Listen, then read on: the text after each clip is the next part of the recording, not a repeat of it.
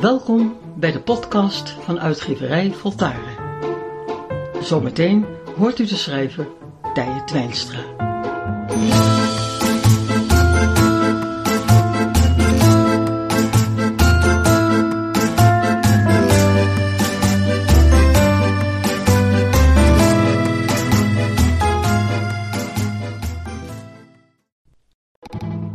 Wij en de wereld Wouter de Mus. Het zal weinigen ontgaan dat we in verwarrende en vaak tegengestelde tijden leven. Nieuwe technische ontwikkelingen wervelen om oude verlangens naar eenvoud en overzichtelijkheid. Soms worden deze contraire invloeden tot eenheid gebracht, doordat iemand zich terugtrekt in de natuur, maar daarbij wel zonnecellen en internetverbinding gebruikt om zijn primitieve levensstijl te kunnen uitleven. Globalisering wervelt om lokalisering vindingrijkheid van enkelen dwarrelt om de afnemende geestelijke veerkracht van velen. Cynisme, wanhoop, eenzaamheid en opstandigheid kenmerken een maatschappij waarin het steeds moeilijker wordt een onafhankelijk en vooral inspirerend standpunt in te nemen. Toch zullen er altijd mensen zijn die meer willen dan zich enkel staande te houden in deze roerige tijden.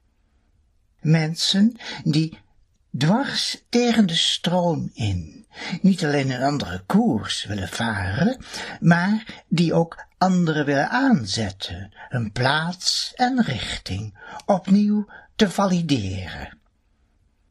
Tegenover mij zit zo'n iemand. Veder Pefmeijer. Hij noemt zich een verheldermelder. Welkom. Is goed. Wat is een verheldermelder? Een verheldermelder is iemand die de dingen weer helder maakt door ze van hun verhulling te ontdoen. U moet het zo zien. Je hebt de verheldermelder en je hebt daartegenover de verhullerluller. Van de verheldermelder zijn er niet zoveel, maar het wemelt van de verhullerlullers. Verhuller? Lullers. Uh, waarom, waarom moet dit zo grof? Om het duidelijk te maken. Ik, ik hou ook niet van grof. Soms is grof, soms is grofheid nodig om het, om het grove zichtbaar te maken.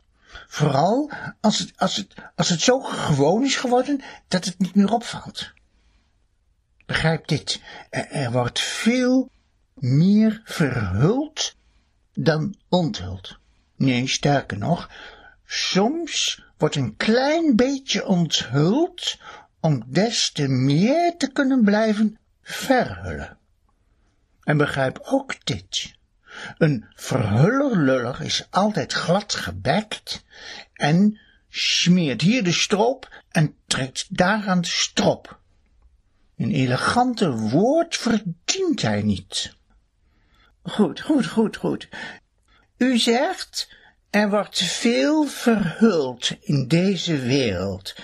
Eh, kunt u daar een voorbeeld van geven? Absoluut.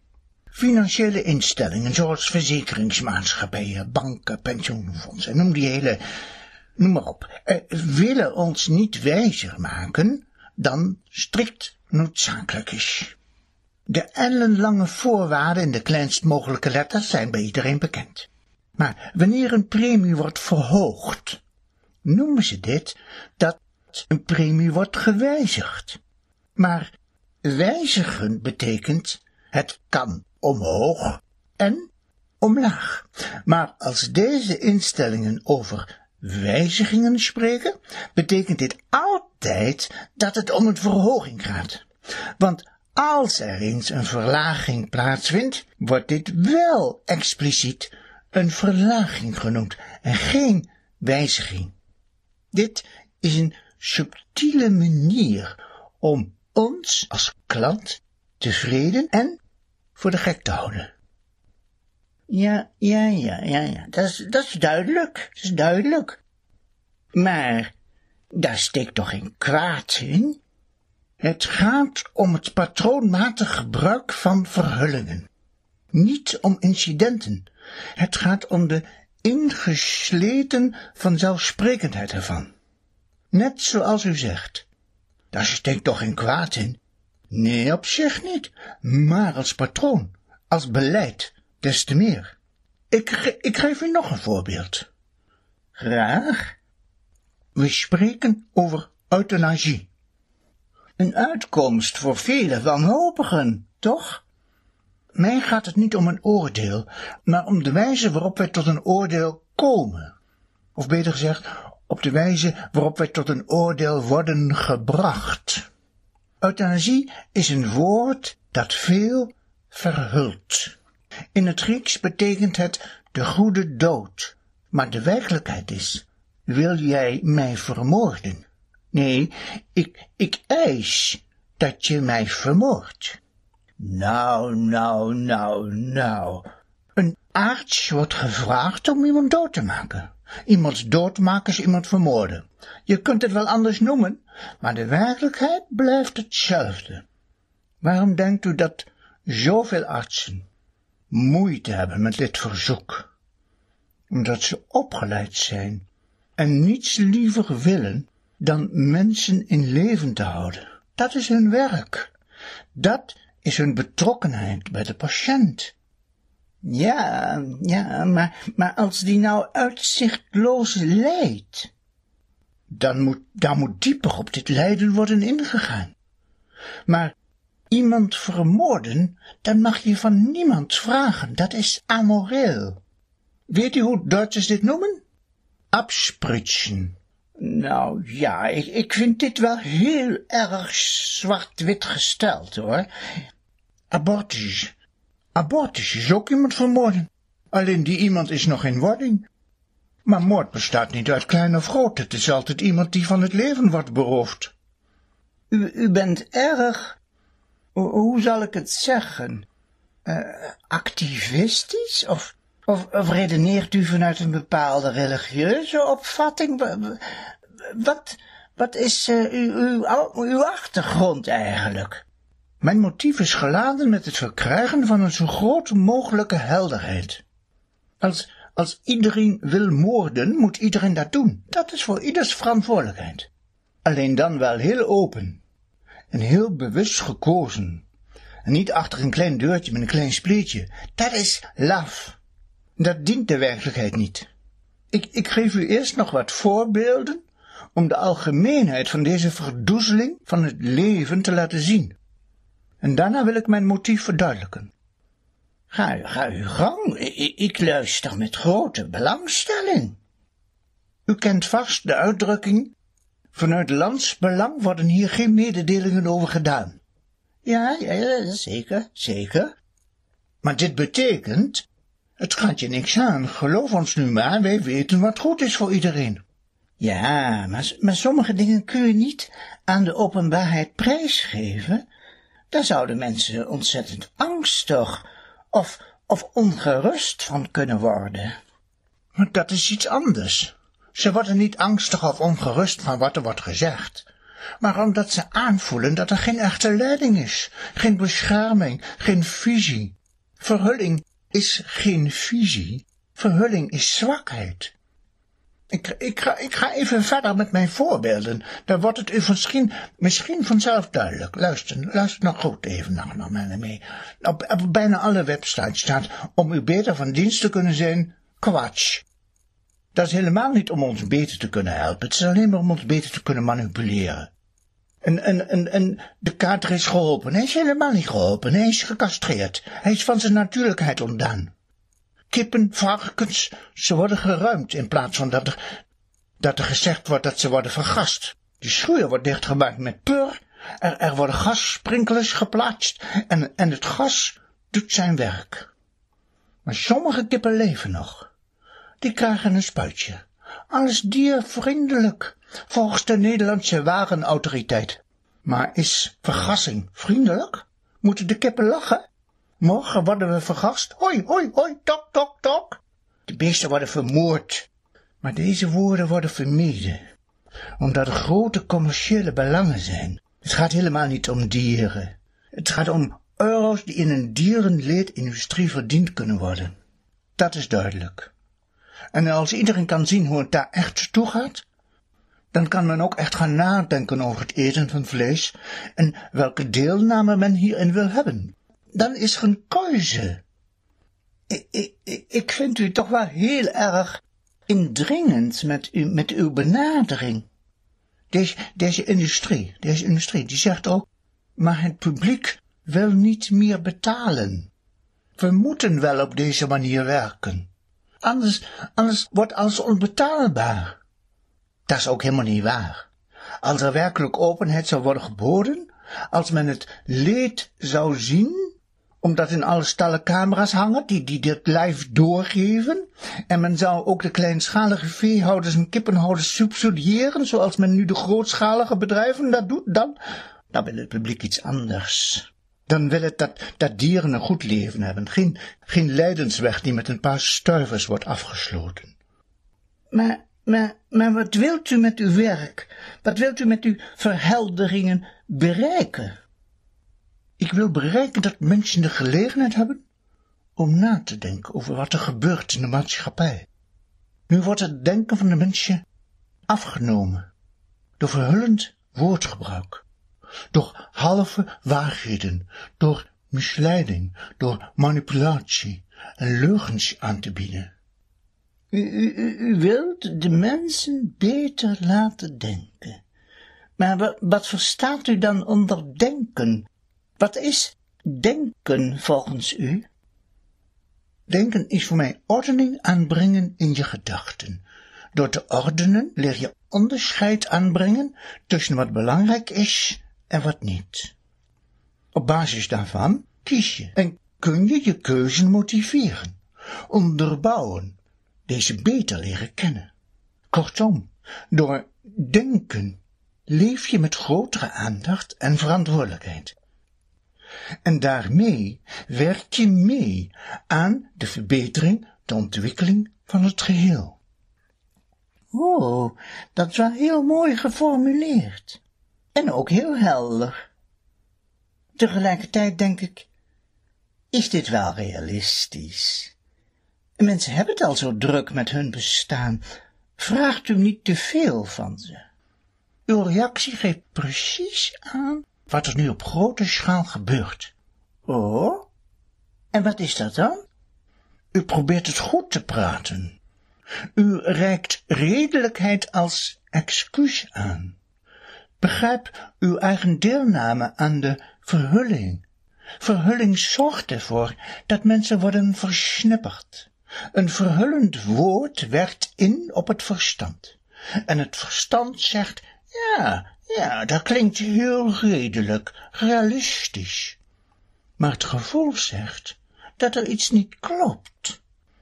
Dat je het wel heel druk kunt hebben, maar dat dat in de, in de grond geen reden is om niet meer helder te denken. Zo, zo ontstaat heel geleidelijk, heel sluipend tussen het rationele, wat u naar voren brengt, en het emotionele een conflict. Verwarring is het gevolg in ieder individu. Hoe vaker deze verwarring optreedt, hoe groter de murfheid wordt. Men, men, men gelooft het wel, ja, men, men, men trekt zijn eigen plan denkt men. Men zegt, dat kan ik er niet meer bij hebben. Ik heb al genoeg aan mijn hoofd. Maar ondertussen doet men precies wat door de grote belangeninstituten van hen verlangd wordt. Maar, maar, maar hoe moet het dan? Openheid als beleid. Dat is de enige manier. Je kunt niet verwachten dat dit vanuit de maatschappij komt en zeker niet vanuit het bedrijfsleven. Daar heb je de overheid voor nodig. Een overheid met een visie.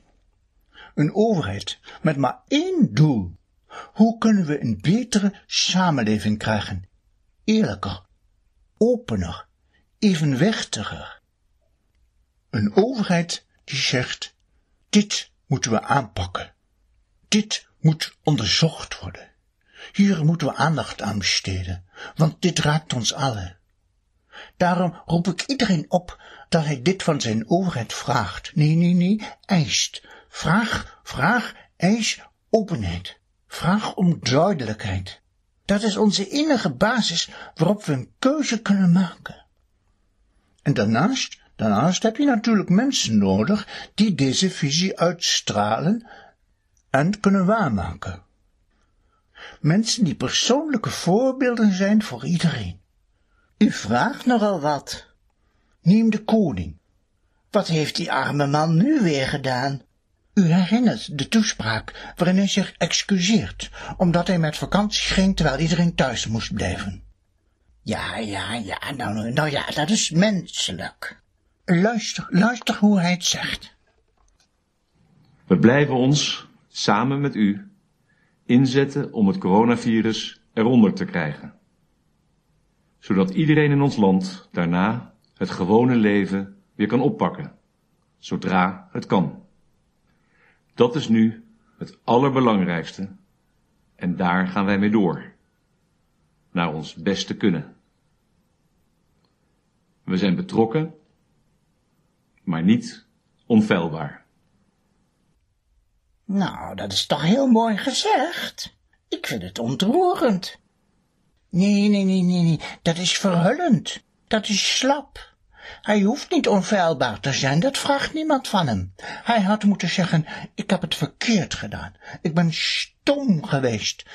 Dit maakt duidelijk hoe weinig ik nog van de mensen begrijp, hoe ver ik van hun leven afsta. Ik schaam me voor mijn rol als koning. Ik, ik moet een voorbeeld zijn, en dat ben ik niet geweest.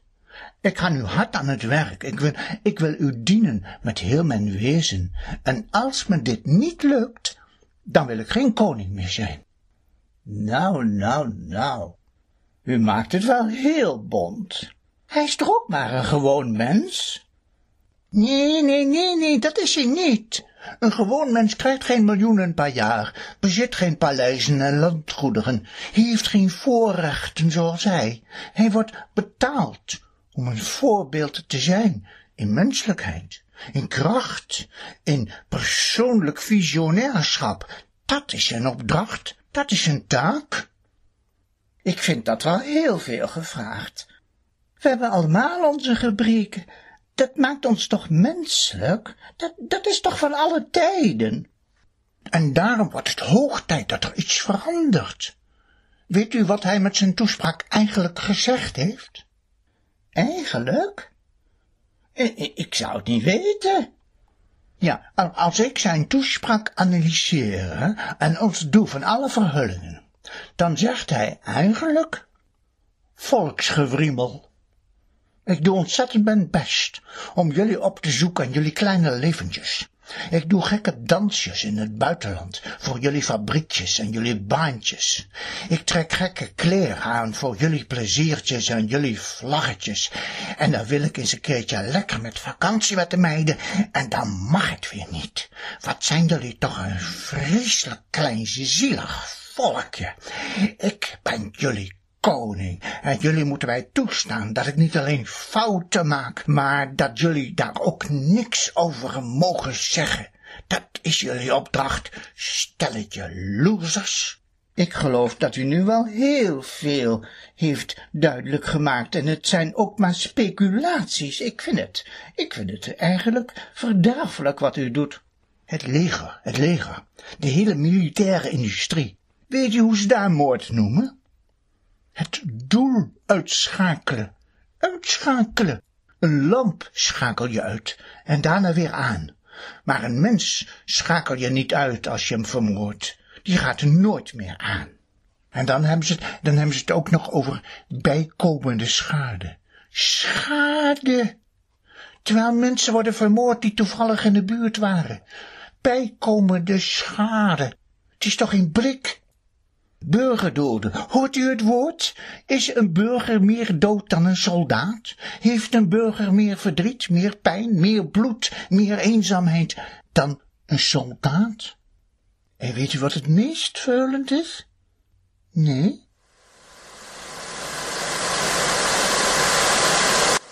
Vanwege een technische storing moeten we deze uitzending vroegtijdig onderbreken. Wij vragen uw begrip.